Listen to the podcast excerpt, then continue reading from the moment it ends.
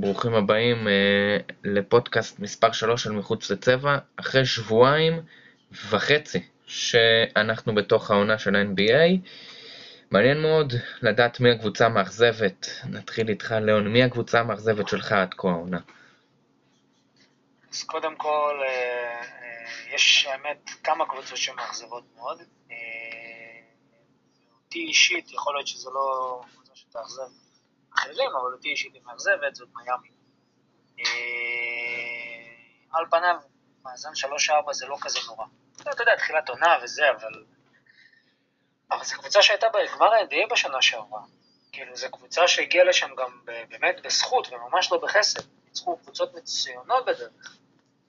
ואני באמת לא יודע למה זה כל כך עובר מתחת לרדאר, אולי כי אז אף אחד לא רצה לקחת אותם ברצינות, אז גם עכשיו לא כל כך רוצים לקחת אותם ברצינות. פשוט קבוצה טובה מדי מכדי שיהיה להם מאזן כזה. הדבר השני, ג'ימי באטלר. ג'ימי באטלר סיים משחק נוראי, נוראי, לא, אין, אין מילה אחרת, נוראי, שתי נקודות בהפסד של uh, מיאמי לדאלאס 93-83. כרגע הוא עם uh, 13-8 עונתי מבחינת נקודות למשחק, וזה פשוט לא טוב בשביל כוכב כל כך גדול של, אה, של, של, של, של מיאמי, שהוא באמת ה, מי שמוביל אותם, וגם זה שהסיבה העיקרית שבגללה ובגללו הם הגיעו לגמר. אה, וברור לי שסטטיסטיקה זה משהו שפחות מעניין את ג'ימי, והוא תמיד היה כזה, עניין אותו הניצחון. אבל זה גם לא מוביל לניצחונות, זה לא שהקבוצה משחקת טוב. אז הייתי באמת מצפה ממנו להאיט להרבה הרבה יותר. הנקודת האור היחידה שאני רואה שזה תחילת עונה, ויכול להיות שזה סתם גרף לא טוב והקבוצה תיכנס לכושר. אבל להגיד לך בכנות, אותי אישית זה מאכזב. אני ציפיתי שבגלל שזה כרגע עונה של יציאה מהבועה וכזה זה, אז מיאמי עם האינטנסיביות שלהם יהיו עם איזה מאזן 6-1. אבל הם בשוש. כאילו, זה פשוט, אותי אישית, כאילו, זה ממש מאכזב. אה, אני יודע שאחרים יגידו טורונטו, או לא יודע מה, אבל אני, כאילו, אותי, הם פשוט אישית מאכזבים. אוקיי, אני אתייחס לדברים שלך, אה, ובפרט גם לג'ימי באטלר. תראה, מיאמי ולייקרס אלו שתי הקבוצות היחידות שחזרו לעונה הזו אחרי, למחנה אימונים אחרי פחות חודשיים אה, ממשחק הסיום בגמר ה-NBA. אה, לדעתי הם לא נראים כל כך גרועים למי שנחו יחסית כל כך קצת זמן. וג'ימי באטלר, תראה, הוא חזר הרי מפציעה, אני לא יכול להסכים איתך שהגנתית הוא נראה רע בשני צידי המגרש, הוא הגנתית בסך הכל נראה בסדר, הוא עומד על defensive rating של 103, התקפית הוא עומד על offensive rating של 103, יותר נמוך מאשר בעונת rookie שלו, שם הוא שיחק 42 משחקים, אבל זו רק תחילת העונה באמת. אה, ג'ימי באטלר, אני, אין לי פה ויכוח איתך שהוא לא התחיל טוב את העונה, אה, שהוא לוקה דונצ'יץ' פשוט שמר אותו בצורה מצוינת, אתה הזכרת את המשחק נגד דאלאס. אני לא חושב שהם אכזבה, אכזבת העונה. אה, גם כי הם נחו קצת זמן. אני רק, אני, אני רק כן. אחדד, אני לא חושב שהם אכזבת העונה. לא, עד כה. מי מאכזבת מבחינתך? אז אותי מאכזבת מיאמי היט. אוקיי, אבל... אה, והם מאכזבים אותי יותר מטורונטו, למרות שהמאזן של טורונטו זה ניצחון בודד על שבעה משחקים, בגלל הציפיות שלי מהם. אני ציפיתי למיאמי להרבה יותר, ונתת פה אה, הסבר לגבי זה שהם היו בגמר מול הלקרס, גם הלקרס היו בגמר, וגם לברון, עם כל הכבוד. אבל לברון לא נפצע, ג'ים באטלר חזר מפציעה. אוקיי, בסדר גמור, אבל הוא בריא כרגע, והוא נתן כבר שני משחקים טובים, עם 26 נקודות ו-18 נקודות. אז כאילו, זה לא שהוא לא יכול לשחק, אבל הוא פשוט התחיל איטי ורע. תראה, גם קנדריק נן נחלש, ו... צריך לראות מה יהיה באמת עם מיאמי, אבל ג'ימי... לא, זה תחילת עונה, בוא נסכים שזה תחילת עונה. זה באמת תחילת עונה. יכול להיות שהם ישתפרו, ולעשות עכשיו מסקנות ולהגיד שהיא זה מאכזבת. לא, יותר מזה, שזו תחילת עונה, וג'ימי באטלר שחק חמישה משחקים, הוא אה, משחק בממוצע משחק 27.6 דקות, שזה פחות מהממוצע קריירה שלו. כן. בפער עצום, ב-5.4 כן. דקות. בסדר. אוקיי. בסדר. אתה אומר אכזבה שלך? עדיין לא סול... אני עדיין לא סולח לג'ימי בטלר על שתי הנקודות האלה. ועוד משהו קטן לגבי מיאמי וג'ימי. אה, ג'ימי לאורך כל הקריירה היה שחקן שקנה את ה... נקרא לזה, הרוויח את הלחם שלו בהגנה. זה שהוא נותן הגנה מצוינת גם עכשיו, אין לי ספק. הוא שומר מעולה, הוא עקשן בהגנה, עובד קשה, אז כאילו, זה שהוא היה טוב בהגנה, זה לא מפתיע אותי וזה בסדר גמור. אני מצפה מג'ימי לא להיות סתם טוב בהגנה, אלא גם להוביל את הקבוצה שלו התקפית, כשהוא רואה שהקבוצה לא ממש משחקת טוב, והירו הגיע לעונה לא כל כך טוב, אה, והזריקות עדיין לא נכנסות לכולם כל כך, ודווקא בן, שקצת אה, השמיצו אותו בגמר, שהוא לא נראה טוב, דווקא בן היה לא רע בכלל מתחילת העונה, והייתי אומר אפילו מצוין. אז אה, תשמע, אני, אני, אותי אישית בינתיים זה קצת מאכזב, אבל בוא נראה. אוקיי, אני, אני אגיד לך עוד כמה נתונים לפחות על מיאמי איט.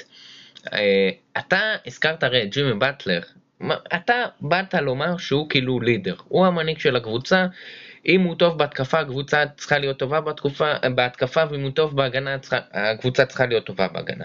עכשיו, אנחנו מקבלים כאן מצב שג'ימי באטלר לא טוב בהתקפה.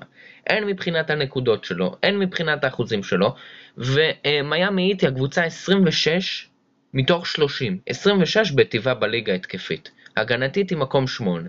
אז כאן אתה נגעת באמת בנקודה טובה, כאילו על ההשפעה העצומה שיש לג'ימי באטלר לקבוצה. אבל כשאתה באמת מסתכל על ה total, כשאתה לוקח את ה offensive rating, שממוצע ל-100 possession ים, שכמה 100 מקולים, וה defensive rating הם ב net rating שלילי. שלילי, שאני לפחות אה, לא רואה שום סיכוי שהם יישארו על הנתונים האלה אה, אפילו עד אה, חצי העונה. עד, עד שישלחו את הלו"ז החדש של הליגה. כי שלחו רק את ה-36 משחקים. אני חושב שאחרי 25 משחקים אנחנו נקבל איזושהי אינדיקציה רצינית יותר. אני מאמין, אני, אני איתך. אני רק רוצה להוסיף לך נתון קטן, שככה כן. רק יחזק ויחדד את מה שאני מרגיש. אה, אתה יודע שמיאמי, מקום אחרון בליגה בצוותא עם מילווקי וטורונטו בביצועים בקלאץ'? לא. הם המקום האחרון בליגה בקלאץ', אוקיי? יש להם 28% מהשדה ו-25% מחוץ לקשת. יש להם אה, פשוט, הם משחקים מזעזע כשזה מגיע למשחקים צמודים ולגמור את המשחק. ואתה יודע כמה ממוצע נקודות שלהם ברבע הרביעי? לא. אוקיי, גם אני לא. לא, פשוט היו קצת משחקים, אז אה, אפשר, אפשר לדעת כן. כמה. אפשר לבדוק, אפשר לבדוק. אני כן. רק אומר שזה נתון מאוד, ש, שפשוט אני תמיד אוהב לבדוק, כי זה משהו שמעיד על אה, כמה הקבוצה טובה במשחקים צמודים או לא, וכמה המאזן שלה משקר או לא, כי אתה יודע, ככל שיש לקבוצה משחקים יותר צמודים, והמאזן שלה יותר טוב, זה אומר שהיא קבוצה באמת שאצל מיאמי, אה, למרות המאזן שהוא לא כזה נורא, הם הכי גרועים בקלאץ'. למרות עצוב לי, עצוב לי על אה, ג'יי קראודר. כן. למרות שהוא פורח בפיניקס, פחות או יותר עד כה. בפיניקס היא באמת נראית מצוין, אבל כן. גם, תראה, גם העונה ש... את העונה שעברה הם התחילו טוב. ועד לקראת סוף העונה במרץ עם הקורונה, איפה הם סיימו? אז, אז באמת, גם קבוצות שהתחילו רע את העונה, וגם קבוצות שהתחילו טוב את העונה, צריך לחכות עד סוף הסיבוב הזה. לגמרי. כן, אז הקבוצה המאכזבת שלי, לעומת זאת, תראה, אנחנו נלך כל נתון עוד לפני שאני אגע במאזן. זו טורונטו רפטורס, שלא במפתיע. מקום הלפני האחרון במזרח. תראה, אני חשבתי שהם ייחלשו. לא חשבתי שהם יגיעו למצב שהם הגיעו עכשיו, עם המאמן המצוין שלהם, באמת, שהוא... עם כל הכלים המועטים שהיו לו בשנה שעברה, עם הרבה פציעות, אה, ניק נרס, שמר גסול היה פצוע, וסרג'י באקה, בכל זאת הצליח אה, להביא את הקבוצה למקומות טובים, הם, היה להם רצף ניצחונות מדהים בחוץ. תראה, ההגנה שלהם היא עוד סבירה. סבירה כי היא יותר עדיפה מההגנה של מיאמי, היא מקום 20 בליגה בהגנה עם 112 נקודות שהיא סופגת. אבל אה, אסיסטים אה, עם עם 22.7 אסיסטים בממוצע למשחק, מקום 24 בליגה. שבמשחק השני, שהיה בין דטרויט פיסטונס למילווקי בקס, דטרויט מסרו 20, נקודו, 20 אסיסטים. ובממוצע למשחק עד כה, טורונטו מסרו 22.7 אסיסטים. שתבין את המצב, ואני לא חושב שאין להם פליימייקרים. יש להם את פרד ון וליט, ויש להם את קייל לאורי, שזה שני פליימייקרים שלדעתי בממוצע למשחק צריכים לתת מינימום עשרה אסיסטים, וריבאונדים, קצת- קצת- הגזמת, אבל כן. ריבאונדים, צריכים להיות יותר מובילי כדור, לייצר יותר נקודות לאחרים, אני מסכים. כוונה עשרה אסיסטים ביחד דיברתי על ון וליט ולאורי. אה, אוקיי, אוקיי. חשבתי חשבתי כל אחד אה, לא, לא. לא כל אחד. אוקיי. ריבאונדים הם מקום 23 בליגה עם 42.9 ונקודות התקפית עם 107.3 בממוצע למשחק. עכשיו תראה, השחקן שם שהכי בולט תמיד, והוא גם נמצא הרבה שנים במועדון, שאני אמרתי לך, לפני שמתחילה העונה, אה, אה, טורונטו צריכים לנסות לראות את הערך trade שלו, ולשקול להעביר אותו ב trade. לא שהסיכוי שהם יעבירו אותו ב trade, אבל לראות את הערך, לראות מה הוא שווה. למה? הוא בן 34, הוא דראפט 2006, נבחר 24, אה, 24 על ידי מ- ממפיס גריזליס, הוא הגיע מווילנובה במכללות, והוא באמת, כשהגיע לטורונטו הוא פרח, הוא גם היה בסדר ביוסטון קודם, ובטור... ובטורונטו הוא באמת היה טוב. עכשיו, את העונה הזאת, אני, תראה, לא חושב שהוא הבעיה הרצינית שם. הוא נכון, הוא בהיחלשות התקפית, גם הגנתית, הוא לא משהו, אבל הוא בסך הכל בסדר. למרות האחוזים שלו מהשדה שהם סבירים, 43.4, מ-3, 35, נק- הוא בסך הכל בסדר. אבל מי שלדעתי ממשיך את ההידרדרות שלו מהפלייאוף בבועה נגד הבוסטון סלטיקס, אפילו בכל הבועה, מאז שהליגה יצאה לפגרה במרץ, זה פסקל סיאקם. זה פסקל סיאקם. הרי שהוא היה צריך להיות סופרסטאר כל כך טוב, ולשלוש הוא נחלש כמו שהוא לא נחלש בשנתיים האחרונות. הוא לא קולע טוב משלוש. עכשיו יותר מזה, מהשדה, גם, הוא ב-43.1 אחוזים קולע עד כה העונה, ממוצע קריירה 49.7. נעבור ל offensive rating שלו וה defensive rating, הוא על 102 offensive rating, הכי נמוך שלו אה, עד כה בקריירה, למרות שכשמסתכלים על הנתונים השונים זה על עונות שלמות. ו defensive rating, השאלה, למה אתה חושב, למה אתה חושב שיש כזאת ירידה? מנטלי, מה, מה, מה הבעיה? תראה, אני חושב שזה פשוט גדול עליו להיות מספר אחד. זה גדול עליו. הוא הרי אה, ב-2018-2019, טורונטו רפטורס זכו באליפות ה-NBA בתום העונה הזו.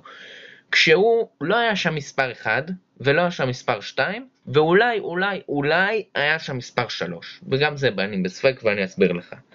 הרי היה שם את קייל לאורי שהוא היה מספר 2 של קוואי ליאונרד ומר גסול שהוא היה veteran בליגה ועבר והגיע ב trade על יונאס ולנצ'יונאס ודלון רייט ומה שקרה שם זה פשוט מצב שאחרי עונה, כאילו ב off season של 2019, קוואי לאונרד בשוק השחקנים החופשיים עבר ללוס אנג'לס קליפרס. אה, פרד ון וליט כמובן עלה לחמישייה, ובאותה עונה בוא נגיד הוא היה בסדר, הוא לא היה מספר אחד, ון וליט הוא נתן peak אה, גדול, קלרו היה בסדר, והוא איכשהו השתלב שם. מאז, אתה יודע, עוד לפני שהיה שינוי רוסטרים, שכאילו איבאקה וגסול עזבו, הוא פשוט, מאז הבועה לדעתי, מאז שהוא הגיע לבועה, הפגרה הזאת במרץ, כשהוא היה בשיא שלו, כשהם היו ברצף ניצחונות עצום, ניצחונות חוץ, נגד יוטה, נגד... מאז הפ... הפגרה היא במרץ, הוא לא חזר לעצמו. הוא לא אותו פסקל סיאקם, הוא בסדר, כן, הוא לא שחקן גרוע, אבל יש לי הרגשה שכאילו ככל שהעונה שעברה, ב-2019-2020 התקדמה, בנו עליו להיות יותר כוכב, הוא באמת הראה ניצוצות שהוא אפילו יותר מאולסטאר, והפגרה לדעתי היא זו שחירבה לו פחות או יותר עד כה את הקריירה, שרק בתחילתה. אני, אני מבין מה אתה אומר, אני רק, אני רק חושב שיש עוד איזה נקודה שחשוב גם להגיד לגבי פסקל סיאקם.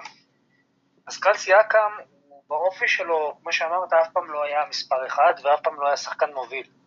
הוא היה שחקן שהתפתח לצד שחקנים מובילים ושאב מהם את הביטחון להיות טוב, כי הם דחפו אותו קדימה.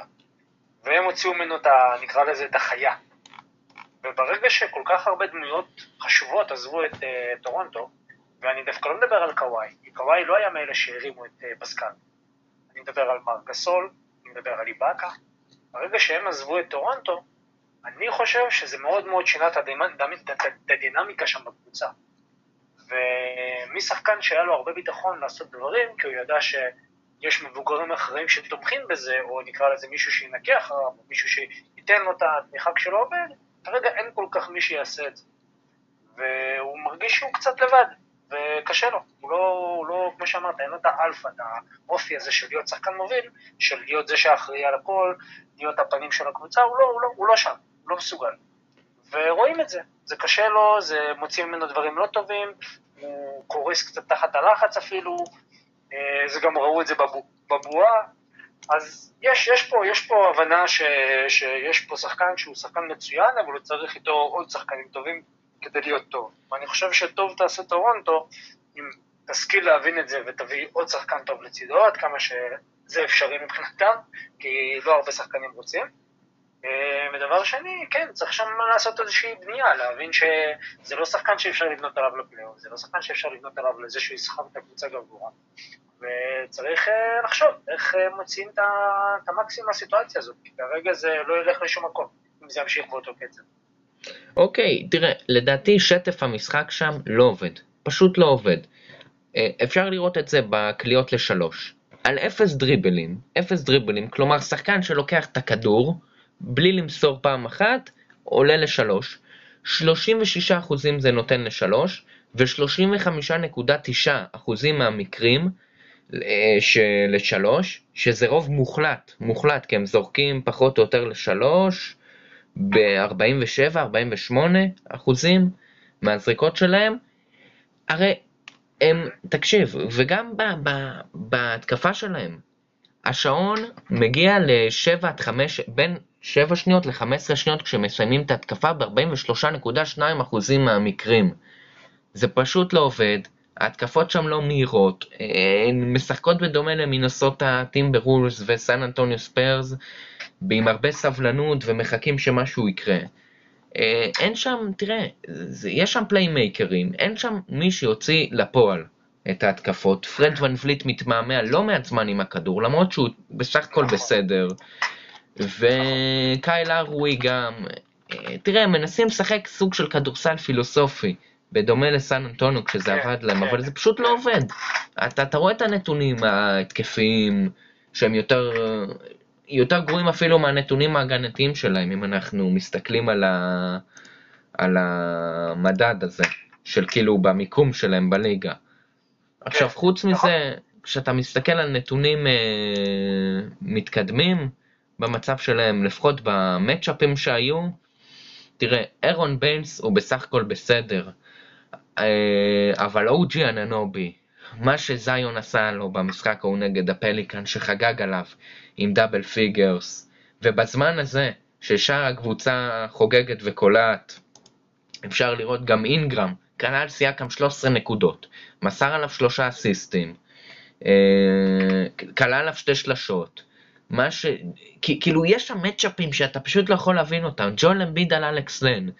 אה, טובייס אריס קלה בספרות כפולות על פסקל סיאקם. תראה, יש פה מצ'אפים שהם פשוט לא כוחות. הוא אה, זיון נגד אננובי. אה, קשה מאוד לעשות התאמות, קשה מאוד לעשות התאמות. וחוץ מזה גם אריק בלדסו ש, שפשוט חגג בניהול משחק על קייל לאורי, אה, כפי שאמרתי גם, אני לא שיניתי דעתי, קייל לאורי נחלש בהגנה, וסיאקם פשוט קטסטרופה עד כה, 111 defensive rating, שזה רע לכל הדעות, בלי קשר למצב של הקבוצה שלו. זה, זה תראה, זה, זה אחד קשור לשני. הגנה באה מתוך איזשהו טירוף, אה, אה, או איזשהו אה, state of mind שבו שחקן אומר, אוקיי, אני רוצה להוכיח את עצמי, ואני יכול לתת בראש. וכששחקן בדאון, וכששחקן לא בטוב, זה מתבטא גם בצד ההגנתי, כי פיזית לסיאקם אין בעיה לשמור כמעט על אף שחקן בליגה. הוא ארוך, הוא חזק יחסית, הוא אתלט, אה, הוא מהיר, אז אין לו בעיה להקשות ולשמור על אף שחקן בליגה. וזה שה defensive rating שלו כל כך נמוך, זה מעיד על זה ש... שיש לו איזושהי בעיה שהוא, שהוא צריך לפתור אותה. לא, אבל, אני דבר אחד, דבר אחד אני לא מצליח להבין בין העונה שעברה לעונה הזו, אתה נגעת יותר בנקודה המנטלית, אבל אין לו סרג'י באקה ומארק גסול שיחפו עליו בצד המנטלי, שיהיו המנטורים נכון. שלו. אני אומר, נכון. לא רק זה שאין לו מי שיחפה עליו בהתקפה, וזה מתבטא ב defensive rating, במצב הכללי של טורונטו בהגנה, ובמצ'אפים שלו נגד אה, ברנדון אינגרם שהיה, אה, ושחקנים נוספים, אני פשוט לא זוכר, הוא גם שמר על אריק בלצו זמן קצר, ואריק בלצו הספיק לעשות עליו לא מעט דברים, ו... וגם על טובאי הסריס בכלל, שהזכרתי, שכלה עליו בספרות כפולות. אבל בצד ההתקפי, איבד את הביטחון. איבד את הביטחון, ובצד ההתקפי, 6.1 שלשות הוא זרק בממוצע למשחק בשנה שעברה. השנה הוא זורק 5.7 וקולע בפחות אחוזים. שנה שעברה הוא קולע ב-35.9 אחוזים, השנה ב-29.4 אחוזים. זה, זה דבר, אתה יודע מה, הייתי אומר לך, קבלת החלטות של זריקות שגויה. הרי הוא זורק פחות זריקות מהשדה מאשר שנה שעברה, שהוא זרק 18.4, שנה הוא זורק 17 זריקות מהשדה, קולע באחוזים פחות טובים. מה... לשתיים הוא די יציב, בעונשין הוא נחלש והוא זורק פחות זריקות מבשנה שעברה, בארבעה אחוזים כמעט. אה, שוב, באסיסטים ריבאונדים הוא יציב, והוא מאבד קצת יותר משנה שעברה, הוא עושה הרבה יותר פאולים, 4.3 פאולים בממוצע למשחק. לעומת... אה, אריאל, אבל, אבל אתה, אתה מסתכל על הנתונים בצורה קצת יבשה מדי, כי אה, מה שאמרת, אמנם יש פה איזושהי ירידה, אבל גם בכמות זריקות, הירידה היא לא כזו דרסטית. ירידה של זריקה וחצי למשחק זה לא כזה משמעותי. כאילו אם היית אומר שיש ירידה של איזה שלוש-ארבע זריקות למשחק, אומר אוקיי, הוא כאילו לוקח על עצמו פחות. אבל לא יש עלייה של כמעט שתי עבירות מהממוצע קריירה שלו. שזו עלייה כן, לא משמעותית. כן, אבל זה לא שהוא לוקח משמעותית פחות. הוא פשוט קולע באחוזים נמוכים יותר, וכתוצאה מזה הוא אולי מהסס קצת יותר בזריקות, אז יוצא לו שיש לו קצת פחות זריקות. לא, אני דיברתי על העבירות. אתה מדבר על? העבירות, שתיים וחצי הממוצע קריירה אה, שלו, 4.3 עד כה. עוד פעם, זה, עוד פעם, זה שוב אותו דבר, זה, זה, זה, זה, זה כמו, זה כמו אה, אה, משהו שמדבה את עצמו. זה ברור ששחקן שיש לו ביטחון נמוך, זה ברור ששחקן שיש לו איזושהי בעיה אה, שהוא לא, לא, לא הצליח עדיין לפתור אותה עם עצמו, גם שומר פחות טוב, וכשאתה מתחיל לשמור טוב, אתה מתחיל לשמור עם הידיים. אתה יודע, כשמישהו עובר אותך ואתה לא שומר טוב, אז אתה מנסה לעצור אותו עם היד, וזה תמיד יהיה פאול. לדעתי, זה- זה- זה זה- נובע מזה שאין מי שיחפה עליו בהגנה, כמו מארק גסול שחיפה עליו בשנה שעברה. כן, כן. ו- איבאקה. ומצד אחד יש לך את אלכס לן, מצד שני את כריס בושה, ואת ארון ביינס, שלא מקבל, אתה יודע, יותר מדי דקות, ולא תמיד הוא על המגרש עם סיאקם, וזה מה שקורה. תראה, לא הייתי מתעסק יותר מדי בטורונטו רפטורס, כי בכנות הם קבוצה לא כל כך מעניינת העונה, אה, די, אה, הייתי אומר אפילו די משעממים, כי אין, אין להם שום דבר אטרקטיבי לראות, אה, לא רצים לשום מקום, לא קונטנדרים לשום דבר, אין שום דבר מעניין שקורה שם, אז כאילו, שוב, להמשיך אה, לדבר על זה אפשר עוד הרבה, אבל... אה, לא, תראה, אני גם ציפיתי שהם יחדשו, אבל לא חשבתי למצב הזה שהם יגיעו מקום לפני האחרון במזרח. אה, כן, זה מפתיע, זה מפתיע, נכון, זה אני מסכים, זה באמת מפתיע לרעה. אוקיי. אבל זה, אותי זה לא כזה מאכזב, כאילו, כמו שאמרתי, זה קבוצה שהיא לא כל כך מעניינת ולא כל כך, כאילו, אתה מבין, אם אני משווה את זה למיאמי לצורך העניין, מיאמי זה קבוצה שהייתה בגמר לפני רגע, זו קבוצה שכאילו, אוקיי, מה, מה היא תעשה עונה, לאן היא תלך? פתאום ואתה אומר, הם ככה, פתאום אותי הם אישית הרבה יותר עם- מאכזב מהמצב של טורונטו. פתאום מיאמי עם net rating שלילי, אתה אומר. וג'ימי כן, באטלר כן. בירידה כזאת, בנתונים. כן, כן, כן, אותי אישית זה, זה, זה פשוט, אה, אוקיי. לא יודע, זה, זה מוזר לי לראות את זה. תראה, אותי, אבל- תראה, מיאמי בסך הכל הם לא התחילו כל- כל כך גרוע, והם בסדר. הם עדיין על המסלול. מאזן שלילי, תשמע, כן, כמובן, אבל כלומר, טורונטו הם עם חמישה משחקים בשביל להשוות את המאזן שלהם.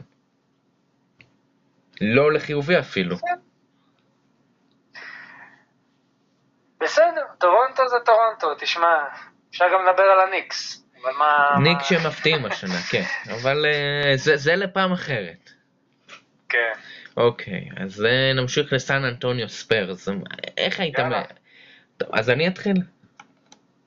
יאללה. תראה, סן אנטוניו, הם... אה, בהגנה, אני לא משנה את דעתי. למרות הניצחונות שלהם, גם על קליפרס וגם על הלייקרס, שהם קבוצת הגנה לא טובה, הם ה-21 בטיבה בליגה. לפני השני משחקים האלה שהם ניצחו את הקליפרס והלייקרס הם היו קבוצה 22 בטיבה בליגה, הם נשארו יציבים ב... בשליש האחרון של הקבוצות אה, בליגה. שוב, קבוצה, אתה יודע, היא, אני אוהב את הקבוצתיות שלהם, זה כן, מקום שביעי בליגה באסיסטים 26.3 בממוצע למשחק. שישי. הם בטיר, הם בטיר השני של הריבאונדים, בהתחלת הטיר השני, עם 45.9 ריבאונדים בממוצע למשחק, והתקפית הם בינוניים, מקום 15 עם 111.4. עכשיו, אני אגיד לך את הנתונים אה, אה, על העומק עליהם, אבל במיוחד בהגנה. שכאן, אתה יודע, זו הבעיה הרצינית, מה שקורה להם שם. כשהם שומרים הרי, יאללה.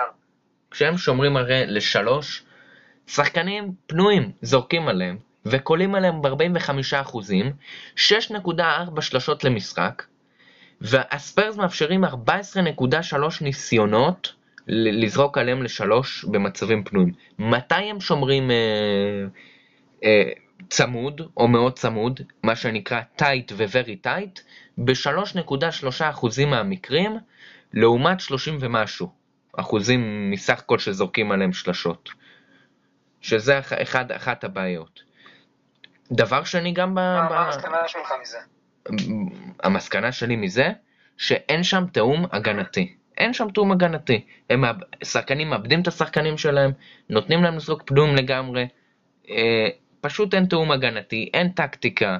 הרי עולים לשחקן ההוא, עושים חילופים אתה אוטומטיים, מדבר לא? על קבוצה של פה, מדבר- אתה מדבר על קבוצה של פה. אני. מדבר על, על עובדות. אני מדבר על עובדות אובייקטיביות, שאי אפשר להתווכח איתן.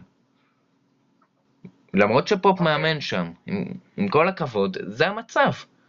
ההגנתי הם בשליש השני, של, השליש השלישי של הליגה. אוקיי.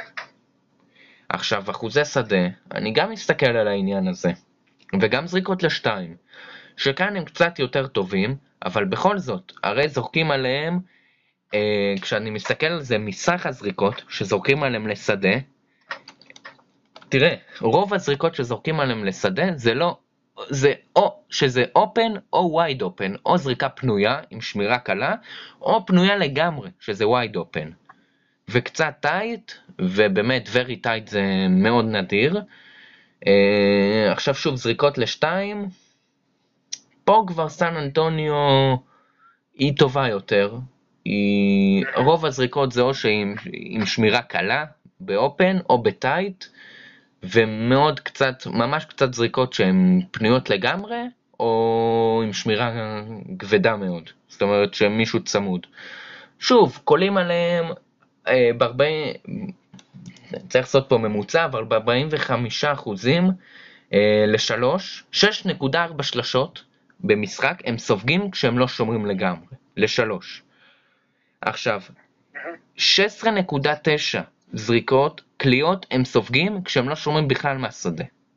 עכשיו שוב, בשתיים אין לי יותר מדי, מה? אה, מה, 1.3 קליעות אה, קולים עליהם לשתיים? אבל זה באמת מחדל הגנתי. אה, בהתקפה אני אשמח לדבר כמובן. שהכדור עובר שם בפחות משתי מה- שניות. מה המס- מה המסקנה שלך מהנתונים האלה? מה מסקנה שלי? חוסר תיאום, מה לא? חוסר כן. תיאום אדיר בהגנה. מחדל הגנתי, זה מה שקורה. אוקיי. אה, תראה, אה, אני רק אגיד לך משהו שקצת, כאילו, אני, אני מבין את הטענה שלך ואני מקבל אותה, אבל אתה צריך לזכור שני דברים. דבר ראשון, אה, זה תחילת עונה, זה עונה סדירה. לרוב קבוצות לא ישמרו יותר מדי אה, אינטנסיבי בתחילת העונה. אתה יכול לבדוק את הנתונים האלה לאורך כל הקבוצות. יש קבוצות שבאות עם קצת יותר אה, רצון להוכיח, יש כאלה שפחות, אבל קבוצה כמו הספיירס שאין לה כל כך לאן לרוץ, ואף אחד לא מאמין שיש להם איזשהו סיכוי להגיע לשלב מתקדם בפלייאוף, אז בטח שאף אחד שם לא ישבור את הרגליים בשביל אה, אה, לרוץ אחרי שחקנים ולשמור. זה די מחזק את מה שאתה אה, מציג בנתונים. אבל אני כן רוצה להגיד שבינתיים, זה קצת אה, אפילו מפתיע אותי לדעתי, אה, ספיירס יש להם 115 נקודות למשחק אה, במשחקי חוץ, ו-109 וחצי במשחקי בית. זאת אומרת, הם קבוצת חוץ הרבה יותר טובה. בתוך ש... סך הכל שמונה משחקים, המאזן שלהם בחוץ זה 3-1, ובבית 1-3. והם ניצחו שני קבוצות מלוס אנג'לס, גם את הקליפרס וגם את הלייקרס. אז בעיניי זה מעיד על שני דברים. אחד, משהו שם מתחיל להתחבר, ושניים, אולדריץ', שהוא כבר 36 העונה, קצת מתחיל להחזיר עטרה ליושנה, כמו המשחק דה רוזן. שהוא נתן, באמת נתן בראש, וכמו שאמרת, הם מאוד קבוצתיים. ובהחלט גם דה רוזן. נגיעת בכדור של כולם, וכמו שאמרת, הם מקום, הם כבר לא מקום הם מקום שישי בליגה באסיסטים אפילו, וזה לחלוטין סממן של אה, קבוצה של אה, גריד פופוביץ'. אבל בהחלט גם ככה- דמר דה רוזן מתחיל להראות למה הוא היה שווה לתת עליו את קוואי. הוא משתפר גם באחוזים לעונשין, אה, בטח באחוזים לשלוש, הכי גבוה שלו עד כה בקריירה. אה, בוא, תראה, הממוצע קריירה שלו הוא 28.5 אחוז לשלוש, השנה הוא קולע ב-42.9 אחוזים, 1.1 אה, שלשות בממוצע למשחק, שזה לא הרבה, אבל זה בסך הכל בסדר. לא, אבל הוא לא מאבד הרבה. הוא מאבד 1.4 עיבודים, שזה טוב. הוא עושה פח, אה. פחות עבירות מאשר בשנה שעברה. הוא חוטף אה, חטיפה אחת, הוא מוסר יותר. אני- אפשר להסתכל הרבה על הנתונים היבשים האלה שכל הזמן השתנו, אבל הוא מתחיל להראות גם שהוא עושה את השחקנים האחרים טובים יותר לידו, את לוני ווקר ואת אה, קלדון ג'ונסון כמובן. נכון. מה אתה אומר על קלדון ג'ונסון? מאוד התאים את עצמו לשיטת משחק הקבוצתית של הספיירס, אה, שיהיה מה לעשות, היא שונה ממה שהיה לו בטורונטו. לא, נדבר על קלדון ג'ונסון. כן, לא, אני אומר שדרון זה מתחיל, לש... הוא מתייעל והוא מתחיל להתאים את עצמו לשיטת המשחק של הספיירס, שהייתה שהיא שונה ממה שהיה לו בטורונטו. אתה חושב שקלדון ג'ונסון יכול להיות אולסטאר? לא, אם לא השנה, אולי שנה הבאה, כי הוא מראה ניצוצות של אולסטאר, לחלוטין. גם לוני ווקר שקולע בספרות כפולות כמובן, לא אולסטאר, אבל הוא משתפר, אבל קלדון ג'ונסון, אי אפשר להתעלם מנתונים שהוא אמנם נחלש קצת, 13.9 נקודות ממוצע למשחק, 7.3 ריבאונדים, 2.5 אסיסטים, נתוני קליעה באמת טובים, אה, הוא קולע של... ב-42.3 אחוזים לשלוש, 85.7 אחוזים מהשדה, 44.6 אחוזים, לא, 85.7 אחוזים מהעונשין ו-44.6 אחוזים מהשדה. עכשיו, defensive rating אה, הוא על 110, שזה לא משהו offensive rating על 104, הוא באמת קצת נחלש. אתה חושב שהוא גם, כאילו כל הצעירים שם שפורצים השנה, אתה חושב שיצא מזה משהו? יגיעו לפליין, או ש- שאין שום סיכוי? תראה, זו קבוצה של, זו קבוצה של פופוביץ', אז אה, אם יש מישהו שיכול אה, לגרום לקבוצה שלו להגיע ל... לאן שלא ציפו ממנה להגיע, ובטח לפלייאוף, זה קבוצה של פופוביץ', אז שום דבר לא יפתיע. אבל מצד שני, המערב השנה זה, זה כבר משימה בלתי. אפשרית נראה. נכון, נכון, נכון, נכון. וגם, אה, תראה, יש הרבה שחקנים שאצל פופוביץ' פרחו. אם תיזכר בסימונס, שנחשב אתלט מדהים, והתחילו להסתכל עליו, אולי הוא יכול להיות הקוואי הבא, והיום הוא קצת אה, נעלם והוא לא משחק יותר מדי טוב. למרות שיש לו את כל הנתונים להיות שחקן תואם קוואי. אה, אז אתה יודע, אתה לא יכול לדעת לאן שחקן יתפתח ומה שנקרא, לאן, לאן, אה, לאן זה יוביל אותו. אבל יש הרבה פוטנציאל שם, יש הרבה כישרון מסביב לדה-רוזן ואולדריץ'. יש את דואן אה, תמרי, פטי מילס נותן עונה לא רעה, קצת חזר לעצמו פטי מילס. יש, יש, יש, יש, שם, יש שם דברים מעניינים שקורים. ש- תמרי נראה מצוין. אה, מה אתה אומר? דואן תמרי פשוט נראה מצוין. הוא כבר מתחיל לקלוע מורי לשלוש. כן, חזר, מורי חזר, רואים שהוא חזר לגמרי. תראה, שנה שעברה הוא לא, איך להגיד את זה, הוא לא הביא מה שציפו ממנו. הוא לא היה טוב. הוא לא היה טוב, כן. הוא לא היה טוב. לא, אבל הוא ציפיות שיחק, קצת חנקו אותו. הוא ציפיות לא היה כל כך פציע. כן, תראה, שחקנים כאלה כמו אה, צעירים, שככה אף אחד לא ציפה מהם להיות כוכבים, ופתאום נהיים כוכבים, ברגע שמתחילות להיות ציפיות זה קצת חונק אותם. זה קרה לסיאקם, זה קרה לדז'אן תמור, זה יכול לקרות לעוד שחקנים. אתה צריך לזכור שכשמתחילים להפנות עליך את אור הזרקורים, אה, לא כולם יודעים לעמוד באור הזרקורים. זה מאוד מאוד קשה. לא סתם אה, להיות כוכב כזה גדול כמו לברון, או כמו... אה, בשאר הכוכבים בליגה זה לא כולם יכולים. יש, יש, יש מחיר לאור הזרקורים. לא כולם מצליחים לעמוד בזה, יש כאלה שהרבה יותר נוח להם במקום הזה שבו אף אחד לא מצפה מהם לכלום, והם אה, נותנים ניצוצות. אז אה, אתה יודע, בוא, בוא נראה. מה אתה חושב שיש שם מבחינה, מבחינת העתיד, מבחינת החוזים שאתה יכול לראות רודי גיי, פטריק מילס, דמאר דה רוזן ולמרקוס אולדריץ' מסיימים חוזה השנה. אתה הנהלה של הספרס, אני אאתגר אותך, מה אתה עושה? אתה מנסה להשאיר, אתה עושה להם טריידים עד הדדליין, אה, אתה לא מנסה להשאיר. זה נורא נורא נורא תלוי במה שיקרה בסוף העונה הזאת. אם בסוף העונה הזאת, אה, הקבוצה הזאת הנוכחית, שעכשיו הם משחקים על החוזה הבא שלהם, כן? אז אתה רואה שכולם מרימים קצת את המספרים. אה, אם אתה רואה שבאמת יש פה משהו שאפשר לבנות עליו, לפחות משהו שאפשר לצפות בו, אה, וכן אפשר להגיע לפלייאוף ולעשות משהו מעניין לפלייאוף, אז הייתי משאיר לפחות, לפחות את דה רוזן, ואת אולדוביץ'. אודי גיי הייתי יכול, הייתי שמח להיפטר ממנו, כי למרות שהוא שחקן לא רע בשני הצדדים, יש לא פחות uh, טובים ממנו בעמדה שלו, בהרבה פחות כסף, ולא הייתי נלחם עליו. אבל אולדריץ' ודה רוזן כן הייתי, כן הייתי נשאר איתם. שוב, אם העונה תיראה טוב. אם העונה לא תיראה טוב, אז יראה כמו עונה שעברה, אז הייתי הולך לבנייה מחדש. אני הייתי מסתכל מה יקרה בחצי עונה הזו, הקרובה, רואה איפה דה רוזן עומד, ואיפה אולדריץ' עומד, ואיפה פטריק מילס ורודי גיי, ואיפה כל הקבוצה, ולפי זה אם אני רואה שאין שום סיכוי להגיע לפלייאוף, אני לא מדבר על להגיע לפלייאוף ולאתגר קבוצות, להגיע לפלייאוף, אני לוקח את השחקנים האלה, נותן אותם בשביל חוזים גרועים ובחירות דראפט, הולך להיות קבוצת tanking ובונה מהדראפט, כי כל מה שיש לספרס עד עכשיו הם בנו מהדראפט. פארקר, מאיפה הוא הגיע? טוני פארקר מהדראפט, מנו ג'ינובלי, טים דנקן, קוואי ליאונרד. אתה יודע, כל מה שהיה להם עד כה, באמת, מ-99 ועד 2017, אה, שהם היו קבוצה רלוונטית, זה היה אך ורק מהדראפט. וגם מה שיש להם עכשיו, הרי לוני ווקר, דרק ווייט, למרות שהוא נפצע, דג'ונטה מארי, אה, קלדון ג'ונסון, אפילו עכשיו אה, דווין וסל. כלומר, כל הקבוצה הזו היא רובה בנויה מהדראפט, זה לא לייקרס שתמשוך שחקנים מהשוק החופשי. לא בוסטון, לא קליפרס, לא גולדן סטייט, לא, אתה יודע, קבוצות אטרקטיביות. נכון. כאילו, היא לא עיר שתמשוך שחקנים אליה. נכון, מסכים. אני גם חושב שעוד מפתח עבורם זה, זה פופוביץ'.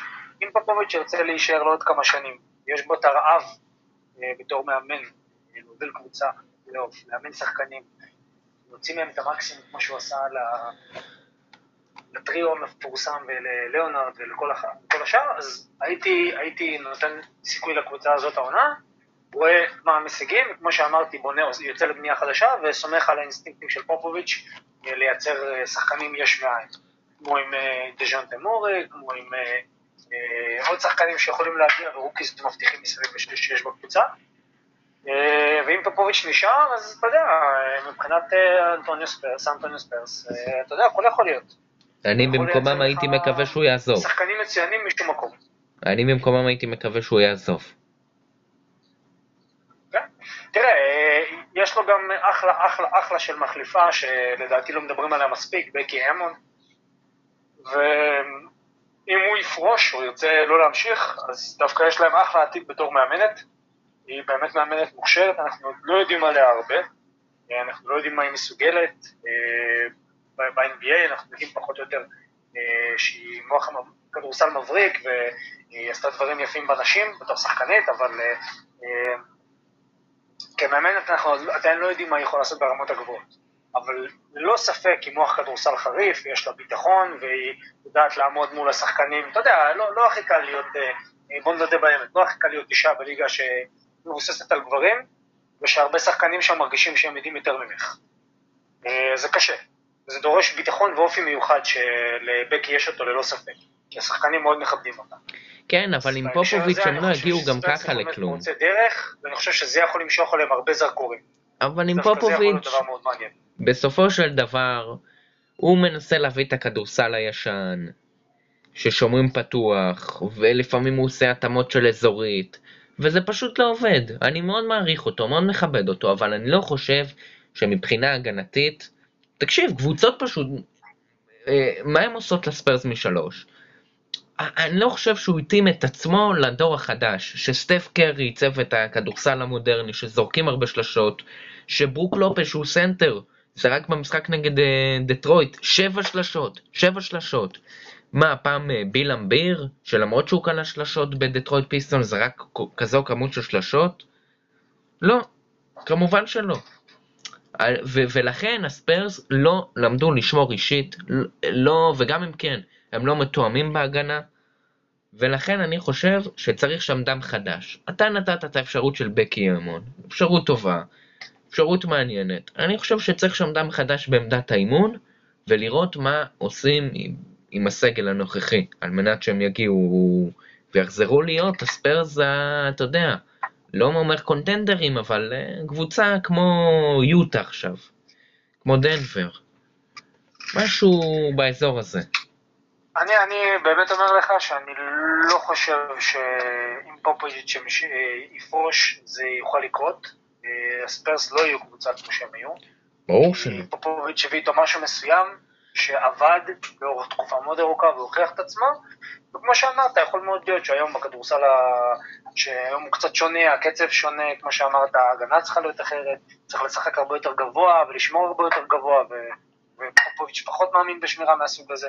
אז אה, כן, אז כן, אז יכול להיות שיש פה איזשהו, אה, נקרא לזה ככה, אה, התאמה אדפטציה שכדורסל של סנטוניו צריך לעבור, ויכול להיות שיהיו כמה שנים קשות או שכונות, שאתה יודע, יהיה, יהיה, יהיה, עד שהם יעברו, עד שבאמת תהיה את האדפטציה הזאת. אז כמו שאמרתי, לדעתי, בקי אמון זה דמות מאוד מעניינת, הייתי ממליץ לעקוב אחרי מה שקורה איתה, ואני אומר לך גם, כאוהד כדורסל, זה מאוד מעניין לראות מאמנת אישה, מאמנת גברים, עומדת בלחצים האלה, מול האגו שם, מול כל הדברים, בטח אם יהיו שם שחקנים טובים שירצו להגיע לאנשהו, ואיך היא תעמוד ואיך היא...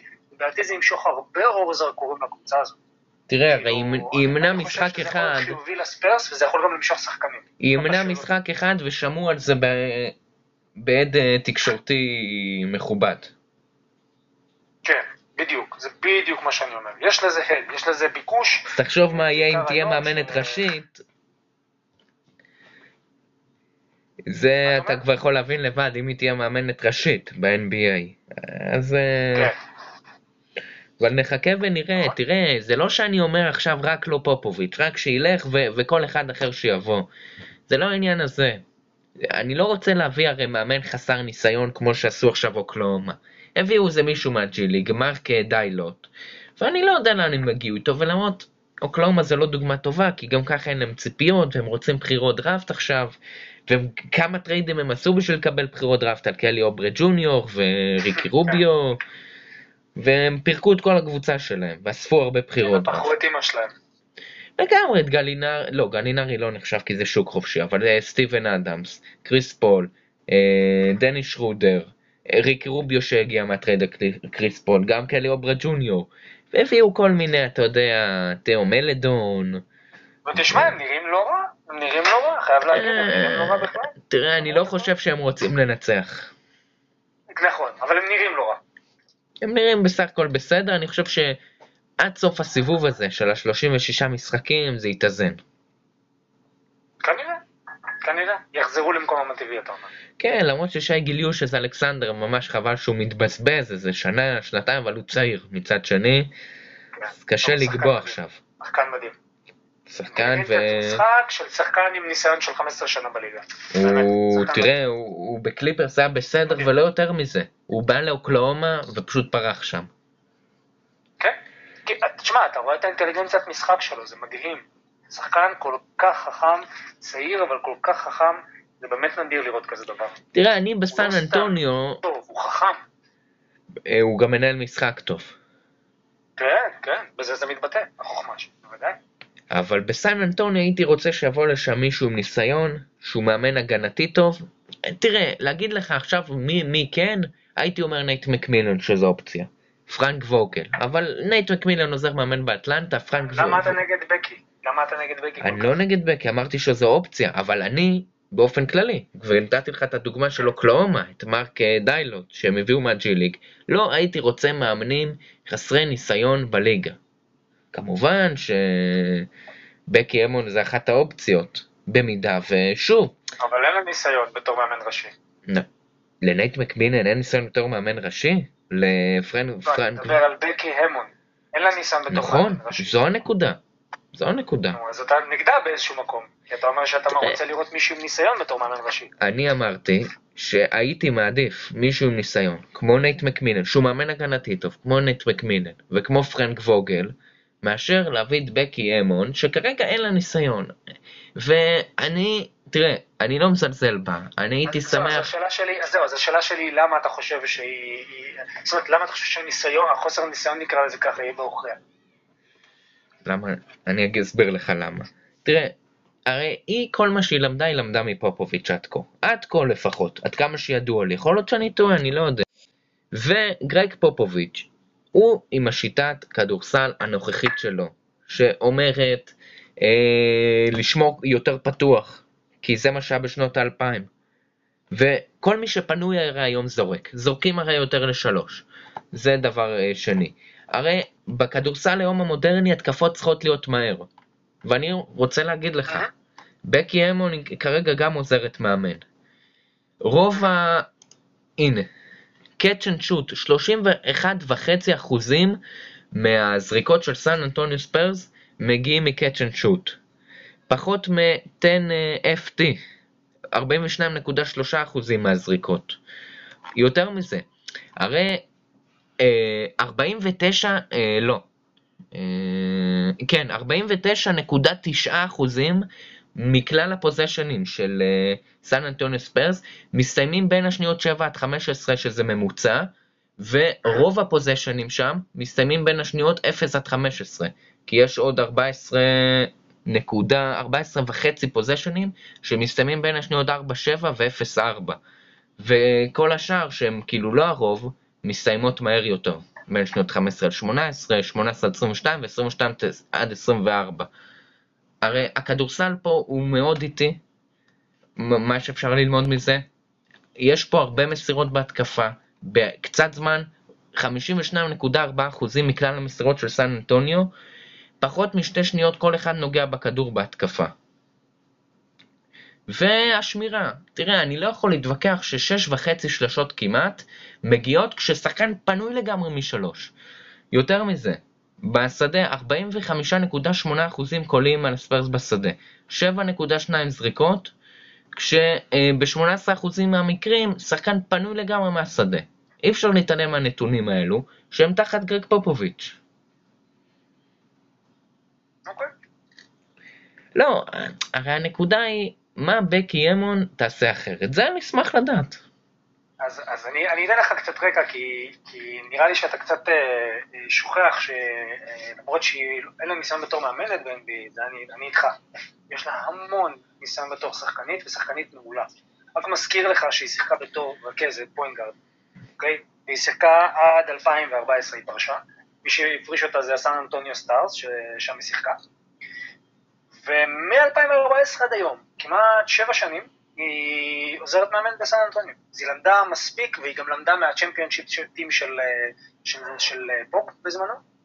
היא, היא שיחקה גם באירופה, היא שיחקה בצסקה באירופה, בספרטק, אה, גם בוולנסיה, אה, היא לקחה אליפות, היא הייתה באולסטאר של ה-WNBA, היא שחקנית נהדרת, וכל הידע שיש לה הוא לא מהכדורסל הישן, שזה מה שפופוביץ' מכיר, כל הידע שלו מהכדורסל המודרני פלוס. זאת אומרת, כל מה שהיא תבוא איתו, היא תבוא עם אה, המון המון ידע והבנה של הכדורסל המודרני, פלוס הידע של מה שפופוביץ' העביר לה. ומעבר לזה שהיא אה, יודעת המון על כדורסל, מבינה, והיא מבינה מה זה להיות פוינגר, מה זה לנהל התקפה, ומה זה להיות בקבוצה, ומה זה דינמיקה של קבוצה, ומה זה לשחק עם כוכבים, היא גם מבינה ראש של כדורסל בינלאומי. זאת אומרת, לדעתי, היא יכולה להביא משהו מאוד מאוד מעניין לסן אנטוניו. אם אתה שואל אותי, ואני הייתי עכשיו הבעלים של סן אנטוניו, ואני הייתי צריך להחליט, אני הייתי במקום אה, ביופורד שם בקבלת החלטות, אני הייתי חד משמעית אה, עם פופוביץ' ראש לוקח אותה לפרונט קורט, שם אותה בתור מאמנת, ואומר לה, קחי שלוש-ארבע שנים, תבני מה שאת חושבת. לספרס אין מה להפסיד, אוקיי? כוכבים הם לא ימשכו, זה לא שוק גדול כמו שאמרנו. סן אנטוניו זה עיר מאוד מאוד אה, אפורה בטקסס, ואין להם מה לחפש. אה, אז אם אתה שואל אותי, הייתי להפך, במדינה שהיא יחסית נחשבת אה, קצת, אה, נקרא לזה לא יותר מדי מתקדמת כמו טקסס מבחינת דעות על נשים ובכלל, אני חושב שזה יכול להיות אחלה של צעד, גם למשוך את אור הזרקורים, גם למשוך שחקנים טובים, וגם להראות שהופה, תראו איזה מאמנת ראשית יש פה, תראו מה היא עושה עם הקבוצה הזאת, ואתה יודע, לייצר עוד אופציות, להראות שזה אפשרי. אני חושב שזה יכול להיות מדהים לספרס, לליגה ובכלל. תראה. בטח כשיש פה מישהי שהיא כזאת מקצוענית ברמות הגבוהות. תראה, אז אני הייתי עושה, יוצא מהתבנית. תראה, אם זה- וכאשר אתה מתאר הרי אופציה, שהרי אין מישהו שיבוא לספיירס, אף אחד הרי לא מעוניין לבוא לספיירס, והרי פופוביץ', אתה רואה, אני יכול שוב להגיד לך את הנתונים היבשים, מה שקורה בהגנה, מה שאנחנו ב... כאילו סן אנטוניו בשליש האחרון של הליגה, תחילת השליש האחרון של הליגה, מקום 21, אתה אומר במידה ואין מי להביא, תביאו את בקי האמון לשלוש-ארבע שנים, כי אין מה להפסיד. אני מסכים במידה איתך. להביא, במידה ופופוביץ' לא ירצה להמשיך, שהיא כן. תהיה הפנים הבאות של הספרס. אני מסכים איתך פה, אבל מצד שני, אם נייט מקמילן יהיה פנוי, או פרנק ווגל, או מאמן מנוסה בליגה, שהוכיח את עצמו הגנתית, פה יש מה להפסיד, שמעוניין לבוא לספיירס. שיבוא להיות עוזר שלה. אין בעיה. שיבוא להיות. עוזר שלה. אם, אוקיי, אה, דה אנטוני, אחרי כל השנים שהוא אימן, ואחרי השנים הוא לא מאמן הגנתי הסכים טוב. ללכת להיות עוזר מאמן בפילדלפ... ב... לא, אה, בפילדלפיה? בסן אנטוניו. בסן... איפה? בסן אנטוניו. בסן אנטוניו? כן, סן אנטוניו אנחנו מדברים. בקי האמון. אה, אוקיי. לא, לא, לא, לא, לא. אבל די אנטוני, מייק די אנטוני הגיע להיות עוזר מאמן, או בפילדלפיה או בברוקלין. פשוט לא- לא- בברוקלין. בברוקלין, סטיב נש, ו... בברוקלין. נכון, נכון, נכון, זהו. אז אם די אנטוני הסכים להיות עוזר מאמן של מישהו שהוא חסר ניסיון לחלוטין, כמו סטיב נש בברוקלין, אז hmm, קטונתי. בטח, ש... בטח שמאמנים כמו מקמילן ואחרים אה, יכולים להיות עוזרי מאמנים בסן אנטוניו של אה, בקי האמון. כי כמו שלה אין ניסיון, גם לנש אין ניסיון באימון. ושניהם יכולים להיות ב front. לא, פה אין לי ויכוח איתך, בזה כן? אני. לא עושה הבדלה בינה לבין סטיב נש, אבל בהחלט, אה, אתה תסכים איתי שמאמנים שהם עתירי ניסיון בליגה, והוכיחו את עצמם הגנתית, כמו נייט מקמילן וכמו פרנק ווגל, וכמו אני לא יודע מתי גרג פופוביץ' ירצה, לא ירצה להמשיך. מי יהיו המאמנים הפנויים? כשאני אדע, אי אפשר לדבר, אי אפשר, אה, אתה יודע, וזה באמת דיון מעניין. כן. אבל... אה, אני חושב שגם אפשר לעשות פודקאסט בפני עצמו על... אה, על אה, זה מה כמובן, של מאמנת, מאמנת ב-NBA ראשית, אבל אתה יודע, בואו נראה לי שנתקדם, כי אנחנו כבר באמת מדברים כן, הרבה זמן על סן מדברים. לא מעט זמן על העניין הזה, וגם, תראה, אני חשבתי, הרי, הרי זה, זה באמת, אני אגע בזה בקצרה, כי אני לא רוצה להכביד על הנקודה הזו, שעל נייט מקמילן. תראה, אני חשבתי שהרי הוא הרי עוזר מאמן, והוא מאמן הגנתי טוב באטלנטה, הוקס. ועובדה שאמרו על אטלנטה, היא, היא תהיה קבוצה הגנתית גרועה. עם net rating חיובי, הקבוצה החמישית בטיבה ההתקפית בליגה, וה-17 בהגנה. שזה לא משהו, כן, אבל זה... ציפו שהם יהיו בטיר השלישי, עמוק, 25 ומטה. אז אני חושב אה. שנייט מקמילן מוכיח את עצמו. מקמילן מאמן טוב לכל הדעות, הוא גם בזמנו, אם מזכיר לך, אה, אה, אימן את אינדיאנה, הוא מאמן טוב, הוא מאמן טוב, הוא, הוא- אין מילה רע להגיד עליו, אבל עוד פעם, אה, הרצון לשים תמיד פנים מוכרות שיש לו ניסיון, לפעמים קצת קצת קצת מטשטש, או נקרא לזה, לא נותן אופציה לפתוח את הראש לעוד אפשרויות. אמרתי לך, זה חשוב מאמן עם ניסיון בקבוצה שיש ממנה ציפיות. נגיד, זה שהביאו את דיוויד בלאט להיות מאמן בקליבלנד, שלברון עבר שם, טוב, זה קרה, אתה יודע, דיוויד בלאט חתם שם לפני שלברון הגיע. אבל זה שינה את כל התמונה. אה, אתה מבין? אז, אז צריך מישהו שיש לו ניסיון, כשזו קבוצה שיש לה שאיפות מאוד גדולות, ומגיעים שחקנים מאוד גדולים, שיכול מאוד להיות שלא יכבדו את הסמכות של המאמן בכל מה שקשור, כי אין להם מספיק ניסיון. בספיירס, לדעתי זו הזדמנות נהדרת, מישהי כמו בקי אמון להיות בפרונט. זו שוב דעתי, ובגלל זה אני אומר שאין לי שום בעיה עם זה שיהיו שמות גדולים בשוק, אבל הם יכולים לקחת מה שנקרא את הבקסיט, את המושב האחורי, אה, ולתת מהניסיון והידע שלהם לבקי, ושהיא תוביל את זה. גם דיוויד פיסדייל הוא יכול להיות טוב בתור עוזר מאמן. אה, אה, כן, כן, יש הרבה. שמות. מעניינים בשוק, ואם אתה שואל אותי, גם יכולים להביא מאמנים שלא חושבים עליהם. מאמנים שכיום סוג של פרשו, כמו ג'פן גנדי, אתה יודע, אנשים ש... אנשים שהיום אה, משמשים על תקן פרשנים, אבל יכולים גם, אה, יש להם מספיק ניסיון כדי להיות... ג'וון גנדי מאמן את... אה, אה, ג'וון גנדי מאמן דווקא את ניו אורלינס, פליקאנס. אה, נכון, ג'ף אה, חתם ב- בפליקנס. הוא אחרי שהרבה שנים הוא לא אימן. אוקיי, אה, אז... אבל אה, כן, סטן, כל החבר'ה, ש- כל הברנז'ה הזאת של לא, הפרשנים, שחלק לא, סטן ון גנדי מאמן אה, בעצם, אורלינס מתישהו. ג'וון גנדי הוא להיות מאחורי. פרשן. מה אתה אומר? סטן ון גנדי מאמן בניו אורלינס, וג'וון גנדי הוא פרשן. אוקיי, בוא... כן, אז ג'ף רצה לחזור לאמן ולא החזירו אותו. נכון. ביוסטון אני חושב שזה היה, אני לא, לא מה זוכר. כן, די סגור כן, על זה. כן, הוא היה מועמד גם ללייקרס אגב, אם אני לא טועה.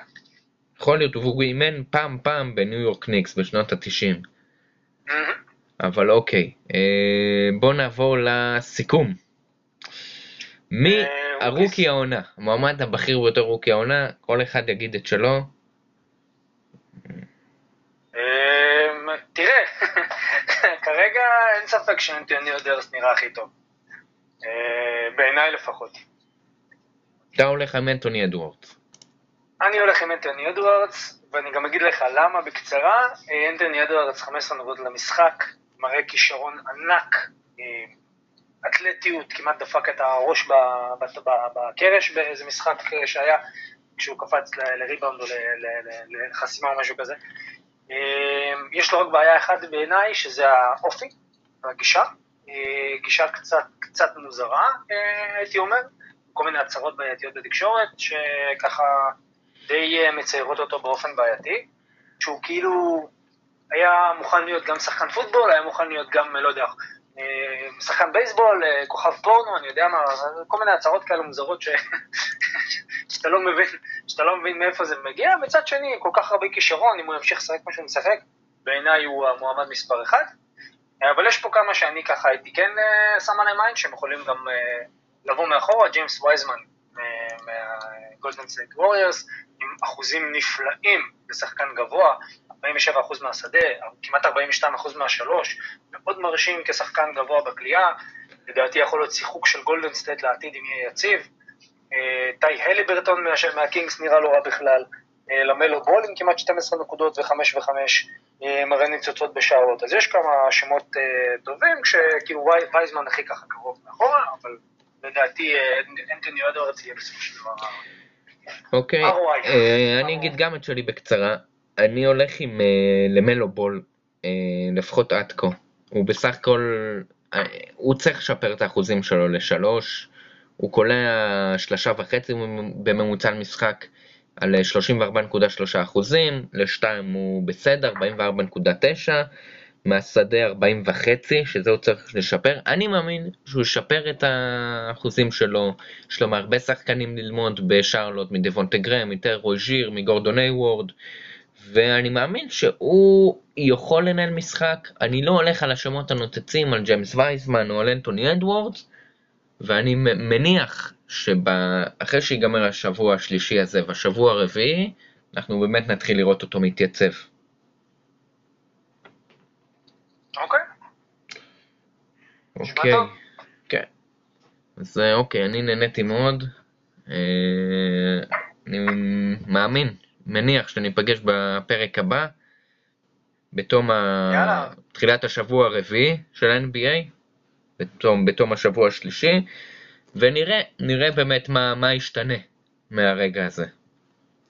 לגמרי. יש לך איזה- יש לך איזה תחזית אה, פרועה ככה ל... תחזית? ל- ל- אמ, להמשך? שהשבוע הזה, אה, בוסטון סלטיקס יהיו עם מאזן מושלם. שזה, אתה יודע. פוגשים הלילה את לא וושינגטון. זה לא תחזית פרועה, זה תחזית... אתה רוצה תחזית פרועה? משהו פרוע, כן. נעשה MVP השבוע. בשבוע הבא, למלו בול יהיה MVP השבוע. או-אה, יענו ייתן את המשחקים הכי טובים מכל כן. שחקני הליגה. אוקיי, ניפגש כן. בפרק הבא. הבנ- הבנתי נכון? אתה אומר שהוא יהיה השחקן, ייתן ההופעות הכי טובות משאר שחקני הליגה? כן, שאתה אומר MVP? כן, יאללה.